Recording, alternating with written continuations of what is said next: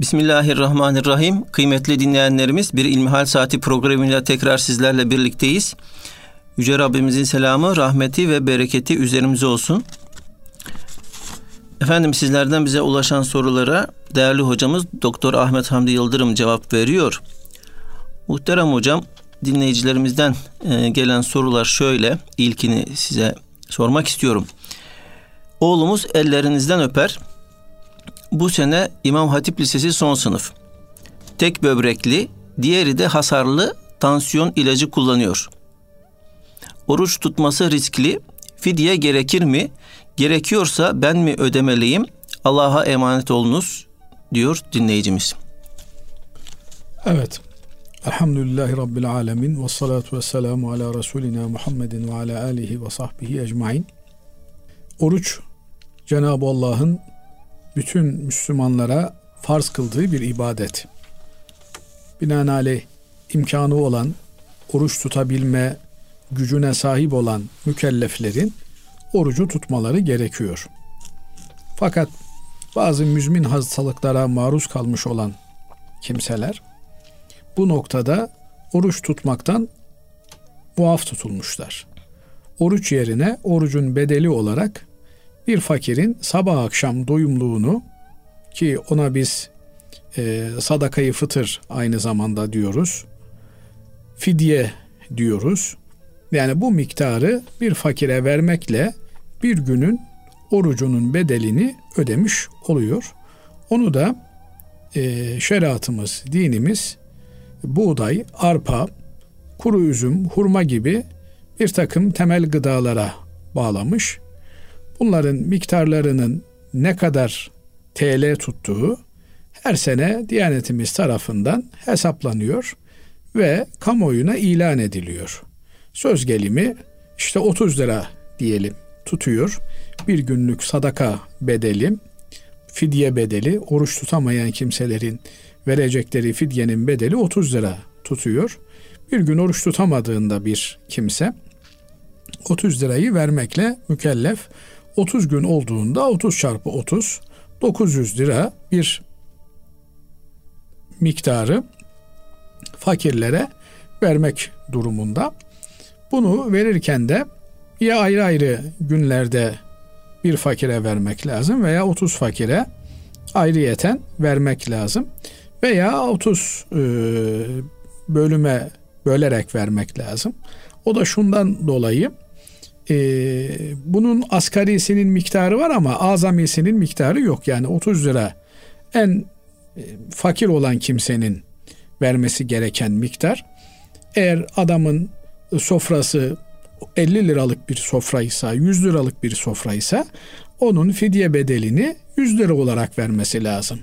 Mamafi 900 lira verdiğinde bir fidye yerine geçebilir mi? Geçebilir. Bunu günlük olarak verdiğimizde her gün eğer kişinin bütçesi asgari bir bütçe ise 30 liradan verir. Ee, ama kendi sofrası zengin bir sofra ise o zaman asgariden vermesi doğru olmaz. Efendim durumuna göre herkes kendi bütçesini hesaba katarak 50 lira, 100 lira, 200 lira neyse bunun üzerinden bir fidye ödemesi yapar. Veya e, zarfa koyarken 30 güne niyetle e, zarfa koyar ve öylece vermiş olur. Mamafi burada önemli olan bir husus kişinin tekrar sıhhat bulma ümidi taşımıyor olmasıdır. Bazen işte e, bir kadıncağızın hamilelik dönemine denk gelebiliyor. Efendim e, süt emzirme dönemine denk gelebiliyor. Kendisi e, olağanüstü bir durumdan geçtiği için bu dönemde aynı zamanda oruç tutmaya güç yettiremeyebiliyor. Ne olur? Bu kimse orucu tehir eder. Yani kazaya bırakır. E, yılın diğer günlerinde sağlığı biraz daha el verir hale geldiğinde oruçlarını tutar. Ben nasıl olsa oruç tutmama ruhsatına sahibim diye orucunun bedelini vermek suretiyle oruçtan kurtulamaz. Burada bu noktayı iyi anlamak gerekiyor. Kimlerdir böyle bir daha iyileşme ümidi taşımayanlar? İşte burada sözünü ettiğimiz kardeşimiz işte bir böbreği yok öbür böbreği de e, telef olmuş bir durumda. Dolayısıyla tansiyon hastası devamlı su içmesi lazım. Yani böbrek nakli olsa bile bu kardeşimizin e, oruç tutma imkanı şu anda görünmüyor. Veya çok yaşlıdır, 90 yaşına gelmiş, 100 yaşına gelmiş, yaşlılığın vermiş olduğu bir takım e, rahatsızlıklardan dolayı oruç tutamıyor. Yani görünen o ki bundan sonra sağlığının iyileşmesi ve oruç tutabilecek hale gelmesi neredeyse e, imkansız denilebilecek düzeye gelmiş. Böyle kimseler e, tutamadıkları oruçların fidyelerini verirler. Ama e, Ramazan'a denk gelmiş bir ameliyat olmuş. Üç gün beş gün oruç tutamamış. Ondan sonra e, iyileşmiş, nekaat dönemini atlatmış, kalan Ramazan'ı oruçla geçirmiş. Efendim ben beş gün oruç tutamamıştım, onun fidyesini vereyim olmaz. Onu bizatihi kaza etmesi gerekiyor. Efendim bunu ne zaman kaza eder? İlk fırsat bulduğunda kaza eder. Veya işte e, bir diğer Ramazan'a kadar kaza etmesi tavsiye edilir.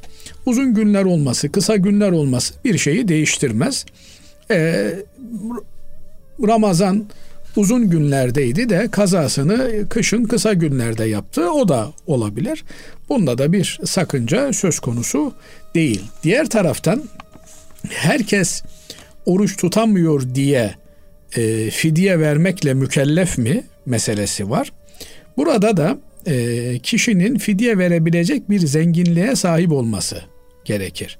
Adamcağız zaten kıt kanaat geçinen biri ise efendim elden koludan komşudan gelenlerle e, kolu komşudan gelenlerle geçinen bir kimse ise bu kimseye bir daha fidye ver demek doğru olmaz. Binaenaleyh fidye verebilecek bir zenginliğinin imkanının bulunması gerekir. Burada da defaten belki fidyeyi vermek işte bin lira verecek diyelim toplu bir aylık fidye.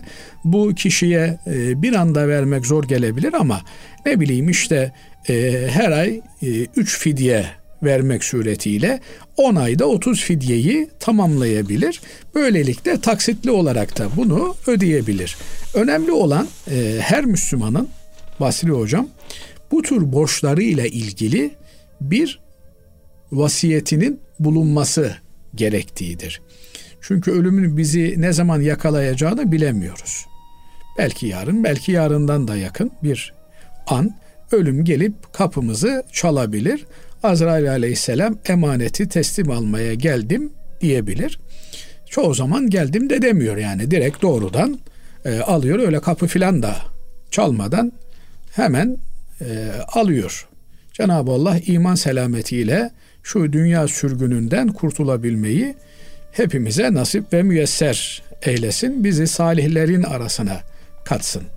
Dolayısıyla bir Müslüman işte efendim benim e, filan tarihli Ramazan'dan beş gün oruç borcum var. O günlerde ameliyat olmuştum. Bu oruçları tutamamıştım. Tutacağımı ümit ediyorum diye notunu düşmeli. Efendim işte yemin kefaretim var. E, şu borcum var, bu borcum var. Basri Bey'den 10 bin lira almıştım. Onun yazması lazım. Filana şu kadar para ödemem lazımdı. Filanın işte matkabıydı, şuydu, buydu, bende emanet. Bu tür şeyleri bir vasiyet olarak yanında bulundurmalı. Öldüğünde emri hak vaki olduğunda arkasındaki e, mirasçıları bu defterini açarlar, borçlarını tasfiye etmeye gayret ederler. Özellikle de hac gibi, zekat gibi borçları olanlar mutlak surette bunu bir vasiyet olarak bildirmeliler. Yani ben e, zengin olduğum halde, imkanım olduğu halde tembellikten hacca gidemedim.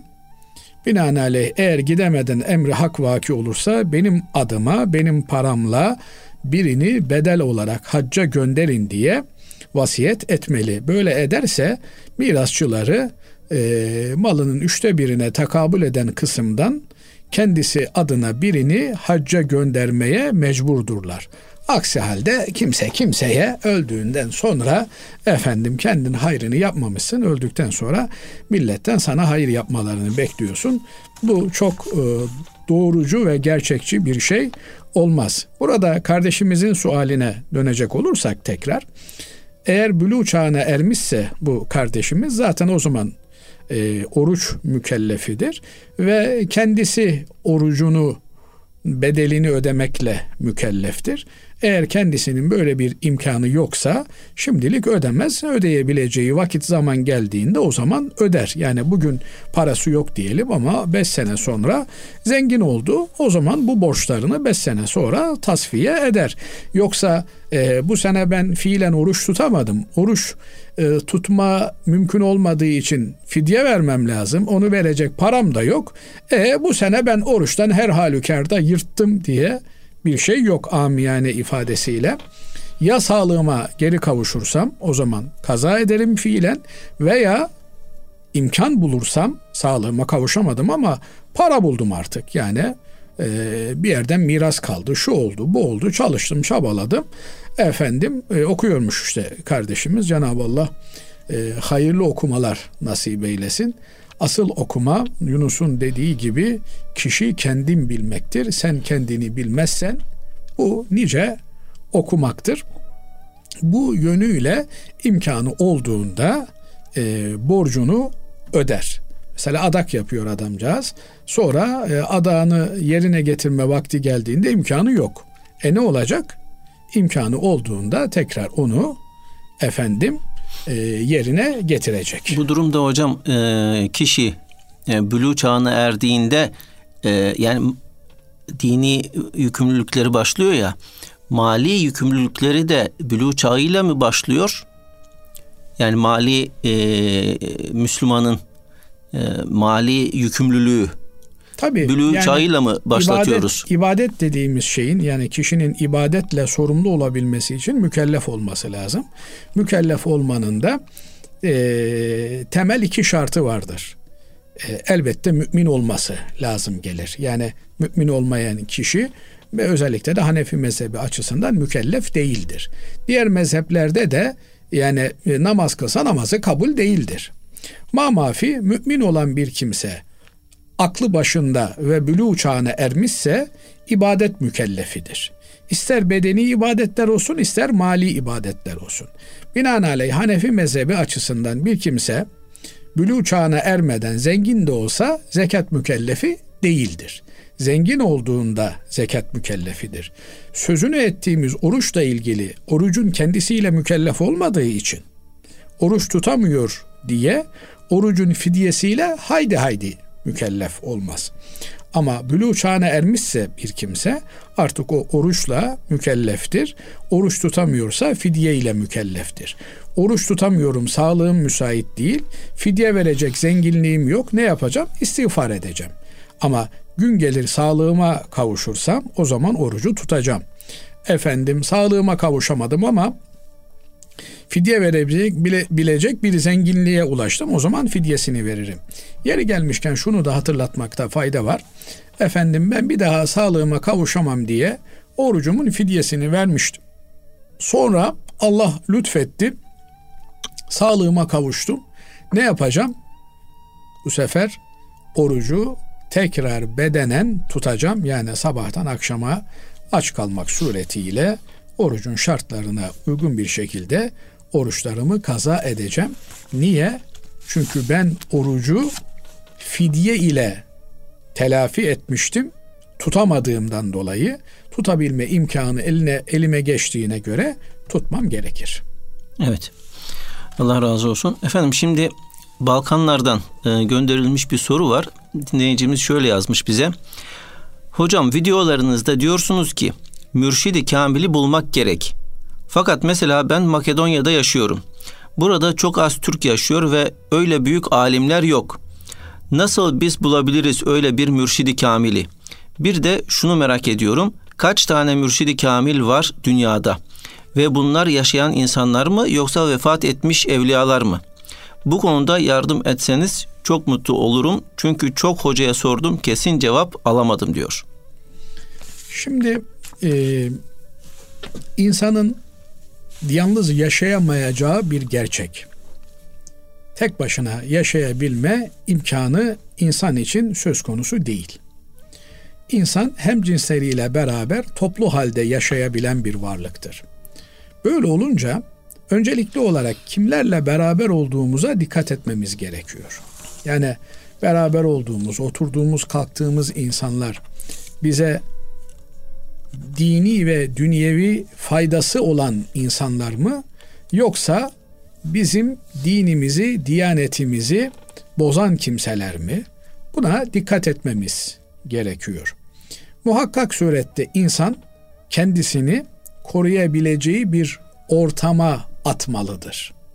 Nasıl bugün işte bir salgın hastalık var. İnsanlar temiz ortamlarda mesafeli olarak oturarak kendilerini salgına karşı korumaya çalışıyorlar.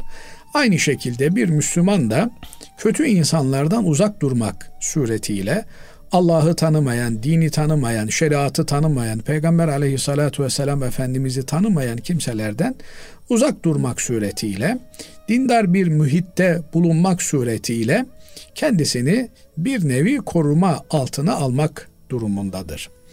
Elbette bu noktada yaşadığı muhitte dini meselelerini soracağı, efendim kendi terakkisiyle ilgili, dinin gelişimiyle ilgili müracaat edeceği, danışacağı bir kimse olmalıdır. Bunu arayıp bulmalıdır bir insan. Nasıl işte Allah muhafaza eylesin dişimiz ağrıyor bir dişçi e, bulma telaşına giriyoruz. E, karnımız ağrıyor. Efendim uzman doktorunu bulma telaşına giriyoruz. Kulak burun boğazımızda bir sıkıntı oluyor. Hemen en kaliteli doktoru arama telaşına giriyoruz. Aynı şekilde manevi sıkıntılarımızı arz etmek ve ahlaken terakkimize, gelişmemize, ilerlememize yardımcı olacağını düşündüğümüz kimseleri de arayıp bulmamız gerekiyor.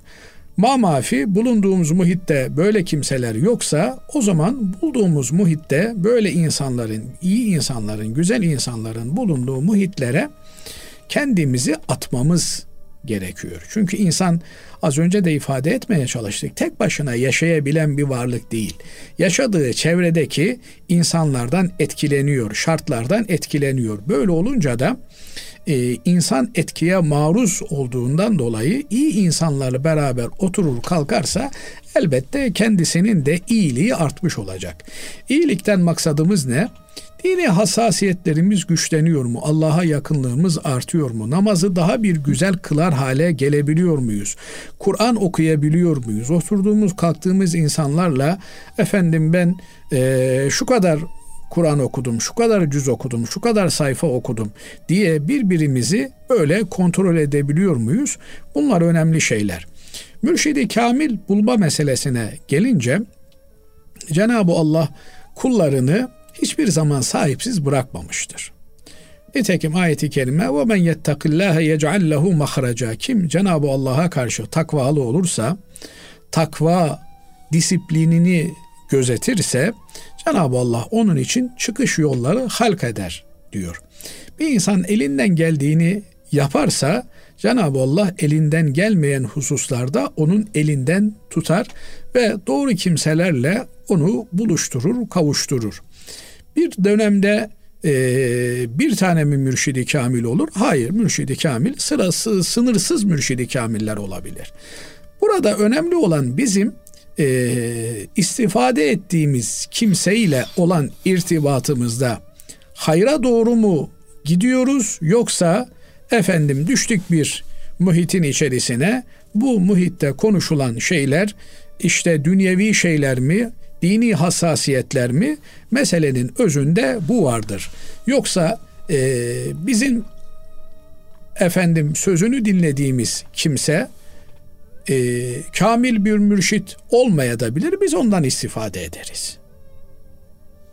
Binaenaleyh istifade kapısı biraz da alıcılarının açık olmasıyla alakalıdır insanın ve insan her an her e, noktada acaba ben yanlış bir yerde miyim diye bir tereddüt etmeli ve e, kendisini bu anlamda e, tabiri caizse değerlendirmeli. Yani işte ben e, filan arkadaşlarla beraber oturup kalkıyordum. Onlarla oturup kalkmaya başladıktan sonra gece ibadetine başladım. Geceleri kalkıp teheccüd kılmaya başladım. Efendim seher vakti Kur'an'ın anlattığı şekilde istiğfara başladım. E bunlar güzel şeyler. Yani eğer bir takım insanlar bana böyle bir güzelliği kazandırmışlarsa o zaman ben onlarla beraberliğe devam ederim. Ama bir müddet sonra işte benden para istemeye başladılar. Benden dükkanımı istemeye, evimi istemeye başladılar. Efendim bana şöyle maddi külfetler doğurmaya başladılar. Türünden bir takım algılar söz konusu olursa o zaman da insan durup nerede olduğunu sorgulamalı. Ee, burada iki temel kıstas var.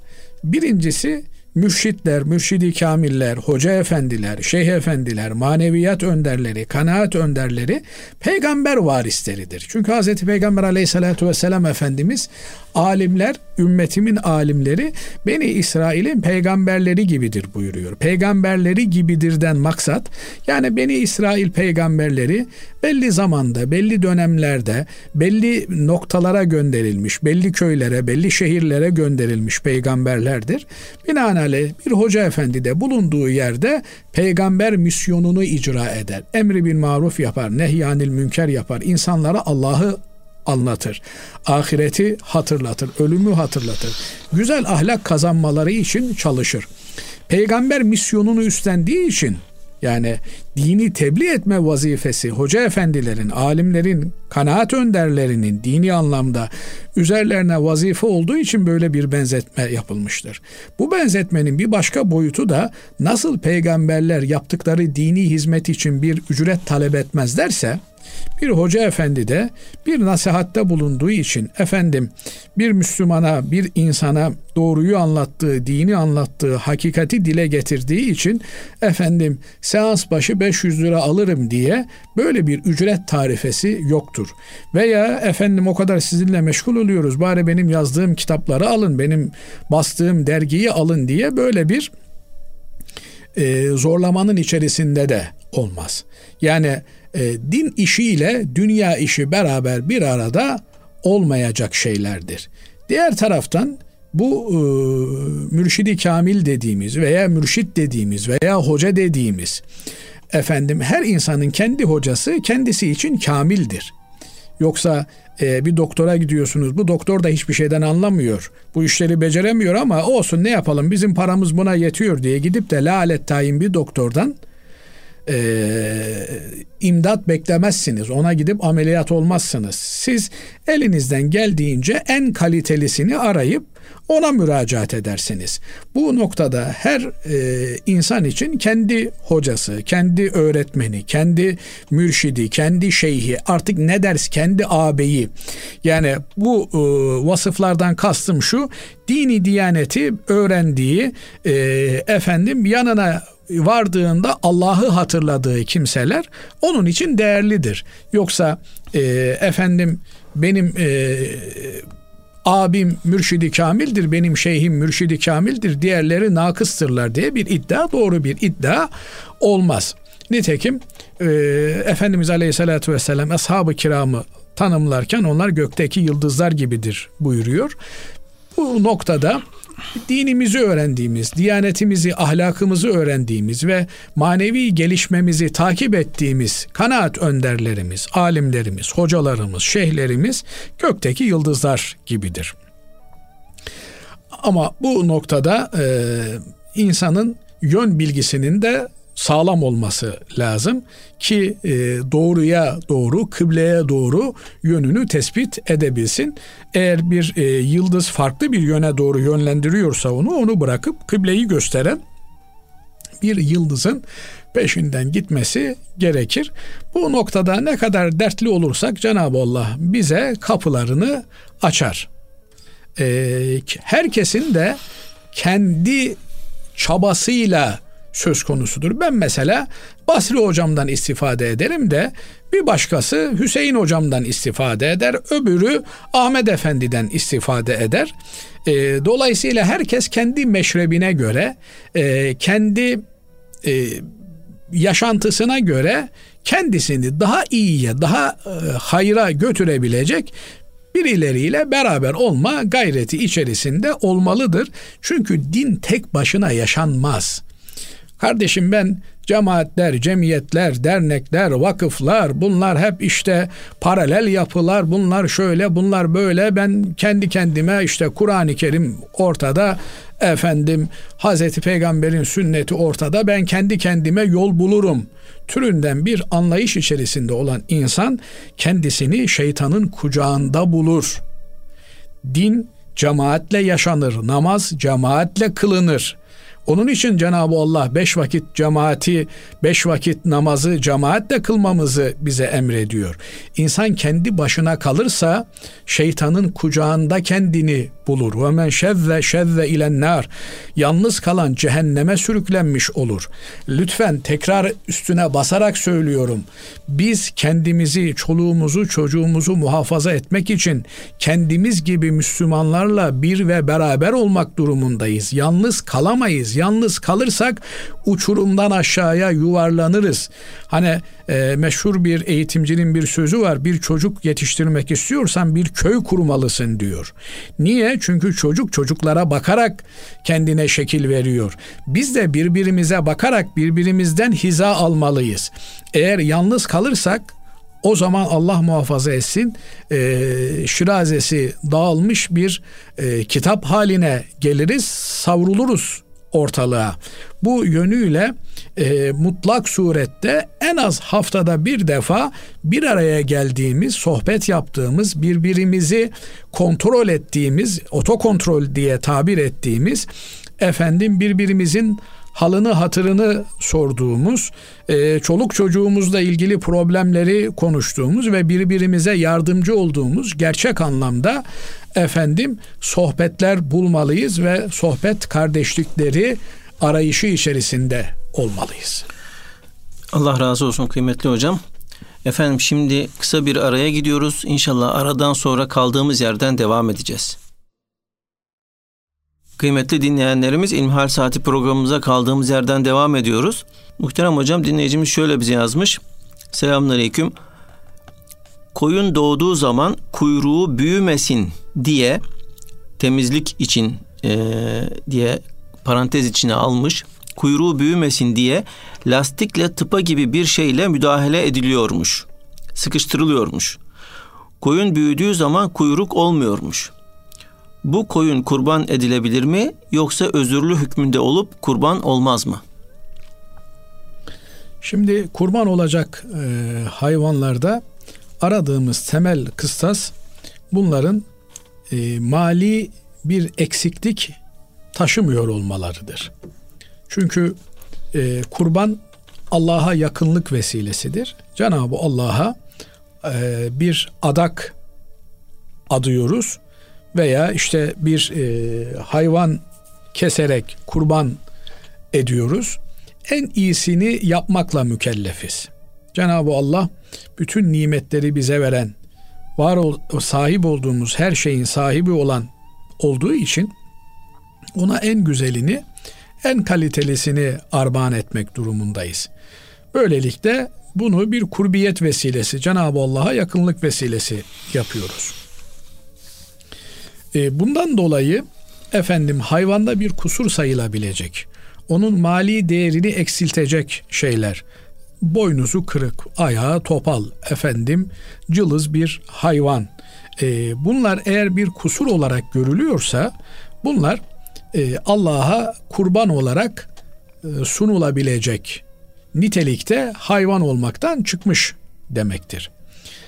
Kardeşimizin sözünü etmiş olduğu şey hayvanın değerini artıran e, efendim e, kalitesini artıran bir şey olduğundan dolayı bu tür eylemler e, kuyrukla ilgili bir e, kusur sayılmazlar.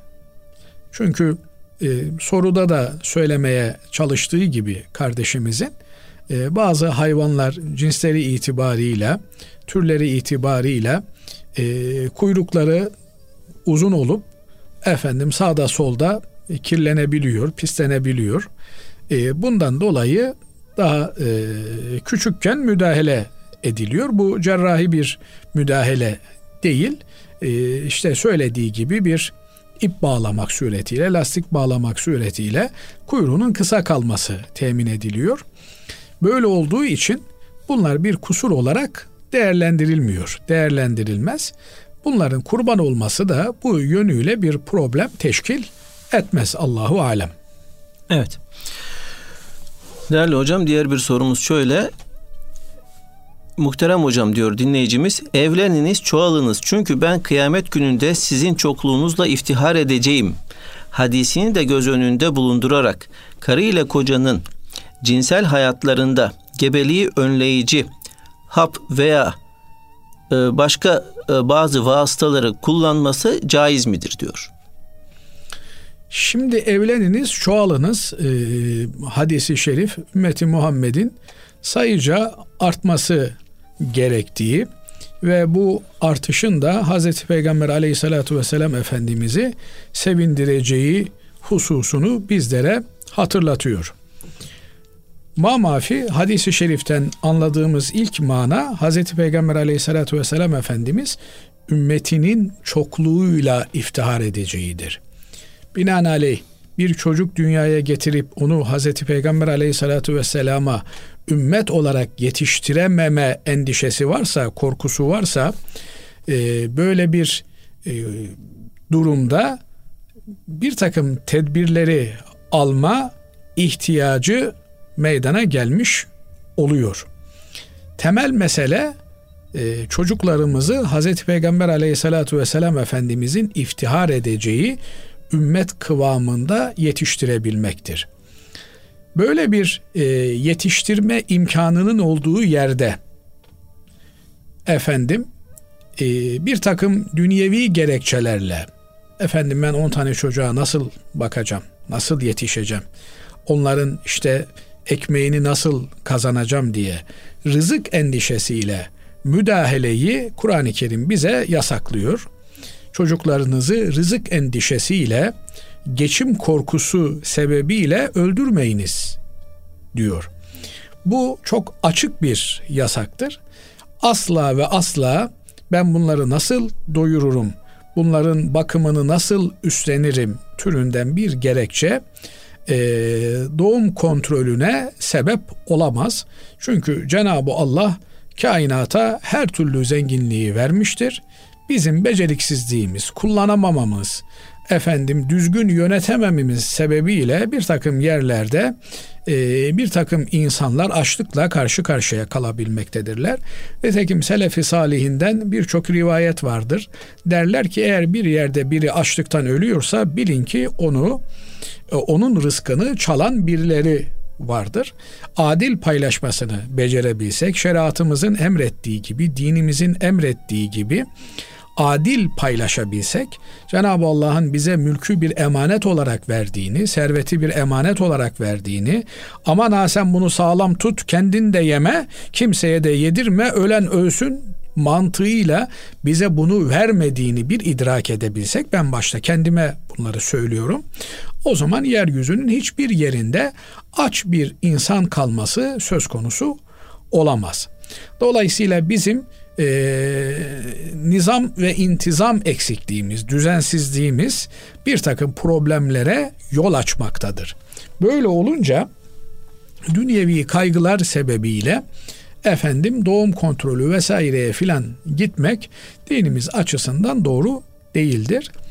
Ancak eğer eğitimiyle ilgilenememe, efendim düzgün dini terbiye verememe endişesi varsa bunun temelinde de e, çocuğu yetiştiren bizler değiliz. Çocuğu yetiştiren toplumun kendisi, sokak, beraber büyüdüğü arkadaşları, çevresi. Yani siz bir anne olarak, baba olarak 30 yaşında, 40 yaşında, 50 yaşında her neyse çocuğunuza sözünüz geçmiyor ama onun akranı onu yönlendirebiliyor. Onu bir taraftan bir tarafa e, kanalize edebiliyor. Dolayısıyla e, çocuğu emanet edebileceğimiz ortam bozuksa o zaman ona göre tedbirli olmak durumundayız. Aslı olan Hazreti Peygamber aleyhissalatu vesselam Efendimiz'e ümmet yetiştirebilmektir.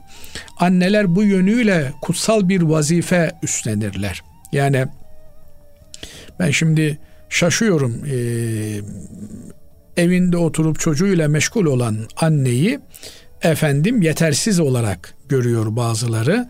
E, atıl olarak görüyor, iş yapmaz olarak görüyor. Halbuki en büyük e, medrese, en büyük e, iş ortamı e, ailedir, evdir. Bu yönüyle e, ailelerimiz bizim için çok değerli olmalıdır. Ailede anne e, baş muallimedir. Yani çocuklara ahlakı öğreten, hayatı öğreten annedir.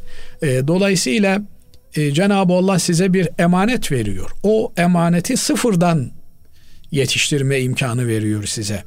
Eskilerin ninnilerine şöyle baktığınızda Basri hocam o ninniler kahraman yetiştiren ninnilerdir. Yani çocuğu sallarken ayağında annesi, nenesi her kim ise ninnilerle sallarlar, ninnilerle uyuturlar, şefkatle büyütürler. Şimdi ise adeta anne çocuğuyla ilgilenmeyi bir aşağılık olarak görüyor, düşüklük olarak görüyor. Efendim çocuğa dadı tutamamayı, onu kreşe verememeyi bir eksiklik olarak telakki ediyoruz. Halbuki bir anne bu benim çocuğum ben bunu kimseye emanet edemem.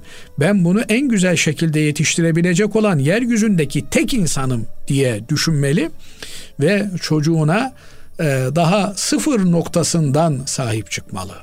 Onun kulağına okuyanan ezanla beraber, kametle beraber bir Müslüman yetişmesi açısından İslami kimliğin inşasında anne en büyük rolü oynayan kimsedir. Baba o kadar tesirli değildir. Baba o kadar e, etkili değildir. Nitekim tarihi sürece baktığımızda da e, babalar hep cihatla meşgul olmuşlardır. Yani Hazreti Peygamber aleyhissalatü vesselam Efendimizin zamanından tutun da sonrasında sahabe efendilerimiz tabi'in dönemi, tebe-i tabi'in dönemi at sırtında bir yerden bir yere hep cihatla meşgul olmuşlardır. Nesli yetiştirenler anneler olmuşlardır. Selahaddinleri yetiştirenler, efendim Fatih Sultan Mehmetleri yetiştirenler vesaireler hepsi anne okulundan mezun olan yiğitlerdir.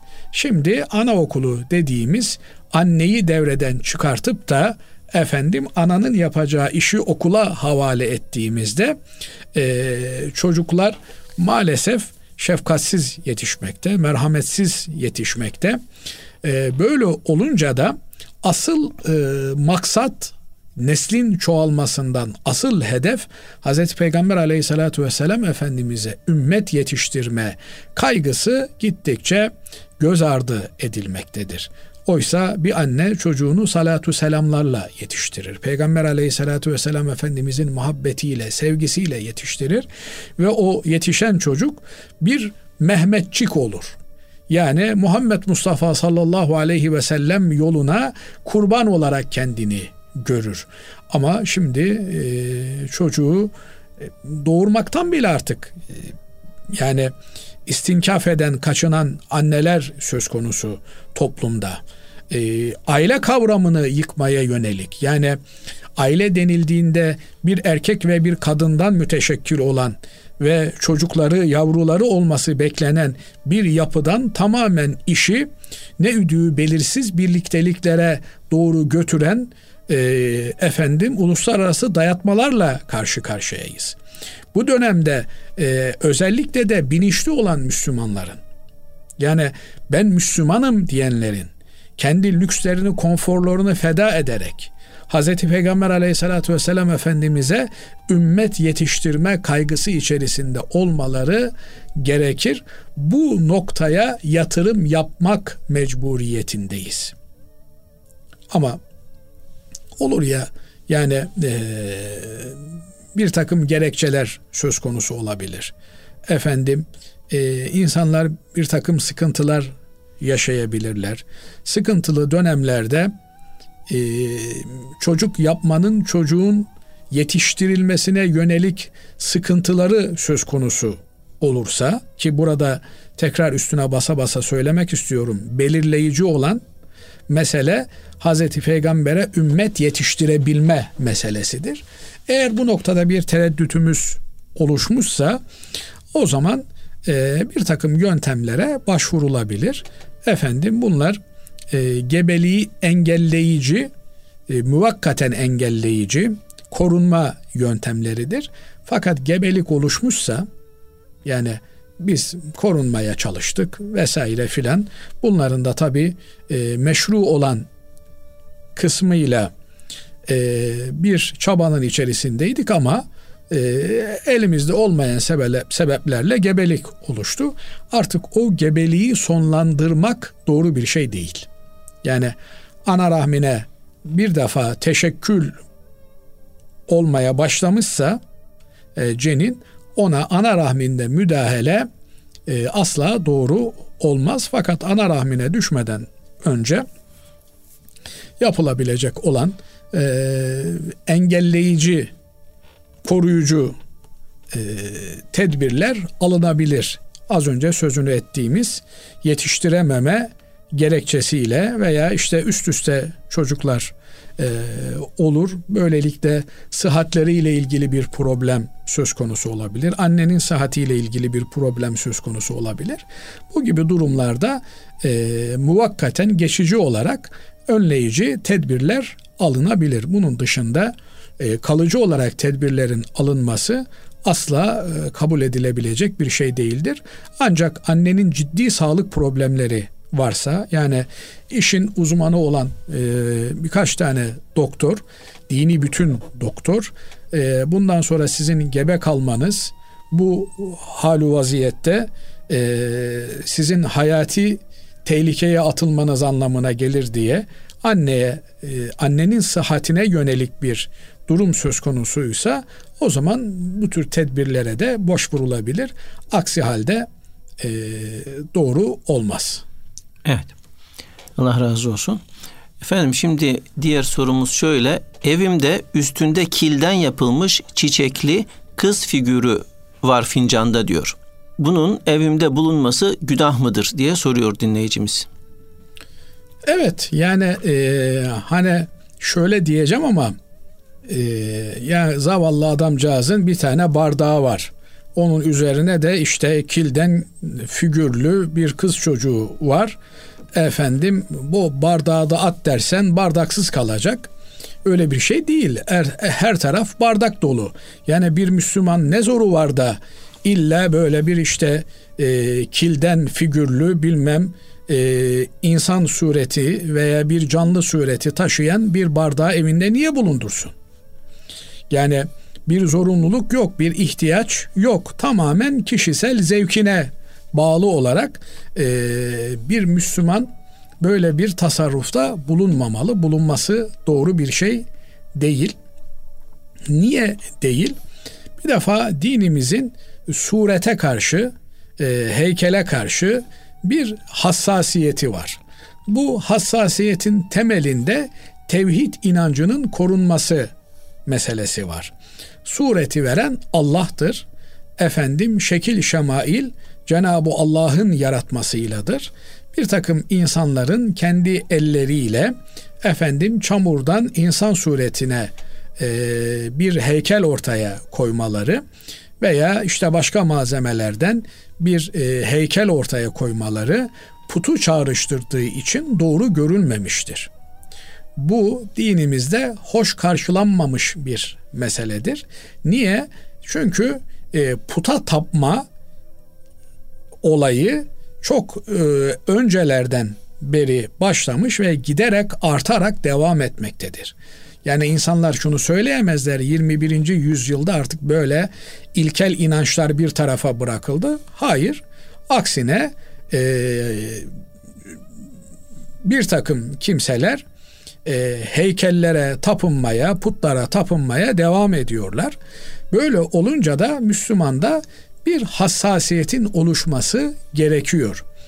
Efendim e, bir ihtiyaç varsa, bir zaruret varsa o zaman bununla ilgili istisnai durumlar söz konusu olabilir.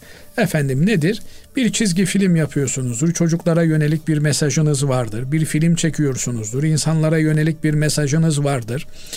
Bir e, hayırlı bir işin bir parçası olarak bir görsellik oluşturmaya çalışıyorsunuzdur. Bununla ilgili e, bir fetva söz konusu olabilir ama yani e, sütünü içeceksin, suyunu içeceksin, ayranını içeceksin. Kilden yapılmış kız figürü olmayan bir bardaktan içsen sana ne zararı var? Dolayısıyla bu tür fantastik şeyleri bir Müslüman konu edinmemeli. Ee, sadece kendisi açısından da değil, çoluk çocuğunun dini hayatı açısından da, hassasiyeti açısından da bunlara dikkat etmek gerekir diye düşünüyorum. Cenab-ı Allah en iyiyi, en doğruyu bilendir. Allah razı olsun. Değerli hocam, bugünkü son sorumuz da şöyle. Başı açık veya başından başka bir yeri açık olan kadın bu yaptığını inkar etmezse, tövbe etmeden ölürse direkt cehenneme mi gider yoksa Allah sonsuz merhametiyle yine de bağışlay bağışlayabilir mi? Çünkü benim bildiğime göre Allah şirk ve inkar ile karşıma gelmeyin diye bir ayet biliyorum. Yani açık bir kadın cennete direkt gidebilir mi Allah affederse diye soruyor. Bu bana sorulacak bir soru değil Basri Hocam. Bu Cenab-ı Allah'a sorulacak bir soru. Onu sorma yetkimizde yok. Ee, Cenab-ı Allah dilerse dilediğini cennetine alır. Kimsenin buna bir itiraz etme imkanı yok. Çünkü cennet onun mülkü. Kul onun mülkü. E, kulunu bir mülkünden bir başka mülküne koyabilir. Fakat burada e, şöyle bir mesele söz konusu. Cenab-ı Allah bizleri kendisini tanımamız için yarattığını, kendisine kulluk yapmamız için yarattığını söylüyor. Bunun anlamı şu, biz insan olarak Allah'a kul olma mecburiyetindeyiz. Kulluk ne demek? Onun emirlerini yerine getirme, yasaklarından da mümkün mertebe uzak durmak durumundayız. Mümkün mertebe uzak durmak durumundayız. Ama insan olarak bir hatamız olur, bir yanlışımız olur. Efendim e, her gün bir sürü günahın içerisindeyiz. Bir kadıncağız da örtünmek istiyor ama işte çocukluktan beri örtünmediği için örtünmek ona zor geliyor. Bunun acısını yaşıyor, ızdırabını çekiyor e, örtünenleri gördüğü zaman imreniyor. Ah diyor ne güzel bak diyor örtünmüşler diyor. Cenab-ı Allah'ın diyor emrini yerine getirmişler. Ben bunun emrini yerine getirememenin ezikliğini yaşıyorum diye bir nefis muhasebesi yapıyor. Ah diyor anneciğim babacığım niye beni vaktinde örtmediniz? Sonra örtünür sonra örtünür kendi isteğiyle örtünsün diye savsakladınız diye böyle annesiyle babasıyla da cedelleşiyor. Bak diyor anne diyor ben diyor artık 18 yaşına geldim diyor. Okullara hep açık okudum diyor. Şimdi bana zor geliyor diyor. Ama vicdanım sızlıyor. İçim içime sığmıyor diye böyle e, kendiyle bir mücadele içerisinde. He, bu kadıncağızı Cenab-ı Allah affeder mi? Eder. Ama açık saçık gezinmenin saltanatını süreceksin. Efendim kapalı olarak gezinenleri de zavallılar olarak göreceksin. Eh doğru Allah bize emrediyor. Aslında bizim de örtünmemiz lazım. Ama işte olmuyor be ne yaparsın diye böyle işin fantazisini kurmuş olan bir kimseyi Allah affeder mi? Dilerse affeder. Fakat o zaman e, bir çelişki ortaya çıkmış olur. Yani Cenab-ı Allah günahını bilip günahı için gözyaşı döken, günahından kurtulmaya çalışan bir kimseyi affeder. Ama günahın saltanatını süren bir kimseyi adam mesela kumarhane işletiyor. E biliyorum ben diyor kumar hamar haram. Ama bu yaştan sonra şimdi ben ne yapayım diyor. Hangi mesleğe gideyim şey yapayım. Haram ama bak kumar haram. E niye kumarhane işletiyorsun? Ya diyor işte ne yapacaksın? Bir kere düştük bu yola. Adam eşkıyalık yapıyor. Rüşvetten besleniyor. Kardeşim diyor rüşvet almak haram. Bak benim yaptığım işte rüşvet almak. Ama ne yapayım şimdi ya kardeşim diyor yani. Yani yapacak bir şey yok. E şimdi Allah bunu affeder mi? Affeder diyeceksiniz. Allah bilir. Fakat görünen Kur'an'da yazılan günahından zevk alan, günahının saltanatını süren, günahtan nemalanan bir kimseyi Allah affetmez. O cezasını çeker. Niye? Bu çünkü Allah'a bir baş kaldırıdır. İşin felsefesini yapmaya gerek yok. Fakat bir kadıncağız bir yerde bulunmuş.